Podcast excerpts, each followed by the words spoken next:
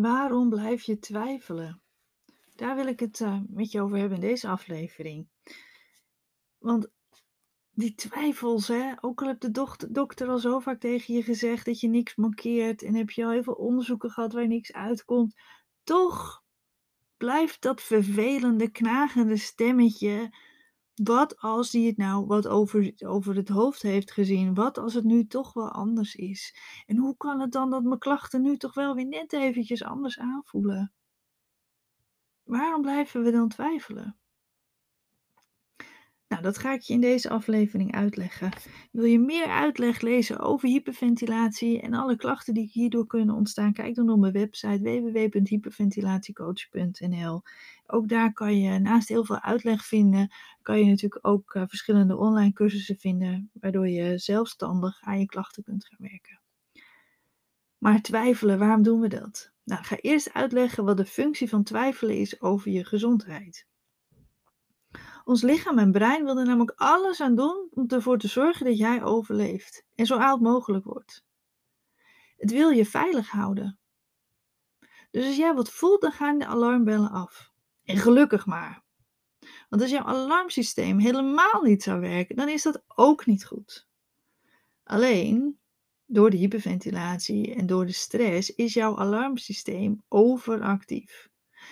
Dus bij elk pijntje, tinteling, ongemakje gaan meteen alle bellen en sirenes af. En dat is natuurlijk niet heel handig. Want de ene die denkt, oké, ik heb een steekje hier. En jij gaat meteen helemaal in paniek. Dat je denkt, oeh, maar wat? Wat betekent dit? Wat is dit? Klopt dat wel?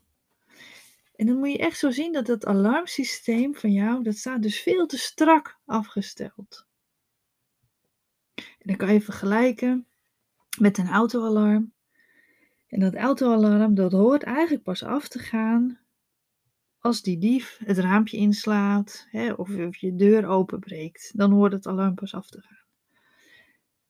Alleen jouw alarmsysteem, die gaat eigenlijk al af als er gewoon iemand voorbij loopt die misschien zelfs helemaal geen slechte zin eh, heeft. Of een blaadje wat op je auto valt door de wind. En dat, dat alarmsysteem gaat dan meteen al loeien.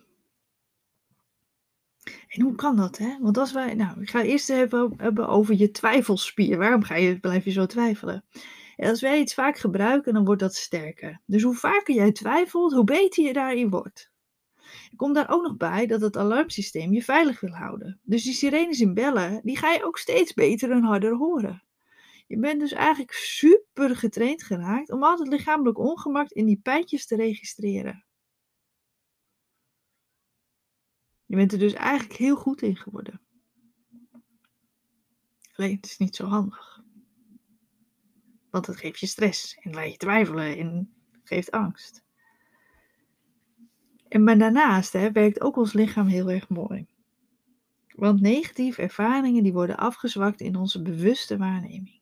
Wat betekent dat we vergeten hoeveel pijn iets deed of hoe ongemakkelijk het was toen we ergens last van hadden. Ook dit is een beschermingsmechanisme. Maar dat versterkt dus ook juist die twijfels. Want elke keer lijkt het toch wel echt anders. Of doet het toch meer pijn bijvoorbeeld. Hè? Want dat denken we dan. En dat is dus omdat we eigenlijk steeds een beetje vergeten hoe het voelde. Daardoor lijkt het elke keer toch een beetje anders. En als wij langere tijd stress ervaren, dan krijgen we het onbalans in ons lichaam door het hyperventileren en die stresshormonen. Nou, dat hoor je mij in elke aflevering van die podcast uitleggen. En anders kijk je even op mijn website hoe dat ook alweer zit. Nou, en een van die klachten door die onbalans die ontstaat bij hyperventilatie is dat je gevoeliger wordt voor angstige en negatieve gedachten. En die gedachten geven je weer stress en zo beland je dus in een vicieuze cirkel. Wat kan je er dan aan doen? Zorg eigenlijk dat je geruststelspier sterker wordt dan die twijfelspier.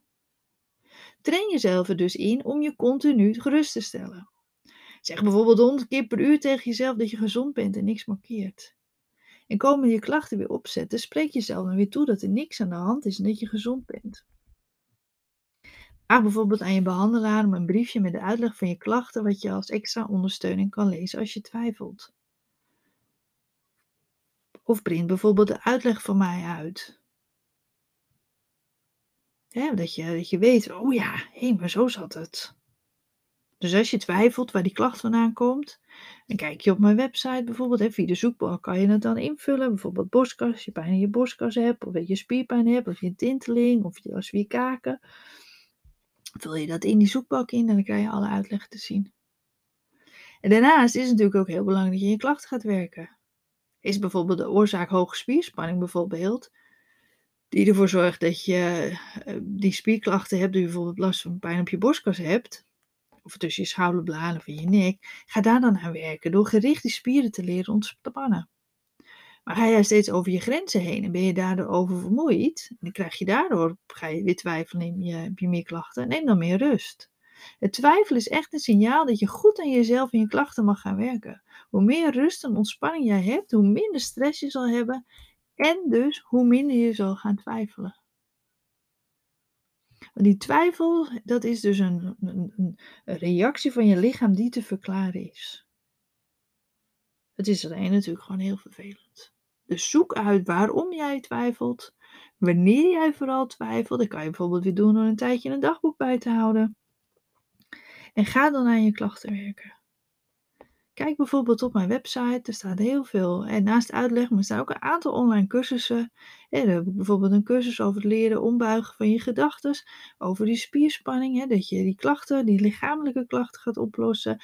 Eh, buikademhalingscursus, hè, waar je weer leert om in je buik te kunnen ademen. En de coaching die start natuurlijk één keer in de zoveel tijd, die je ook mee kunt doen. Dus ga aan je klachten werken waardoor je minder gaat twijfelen, minder stress zou hebben en veel beter gaat voelen. Nou, bedankt voor het luisteren. Dus voor meer uitleg en tips en cursussen kijk je op www.hyperventilatiecoach.nl. En ik hoop je bij een volgende aflevering weer eh, als luisteraar te mogen begroeten.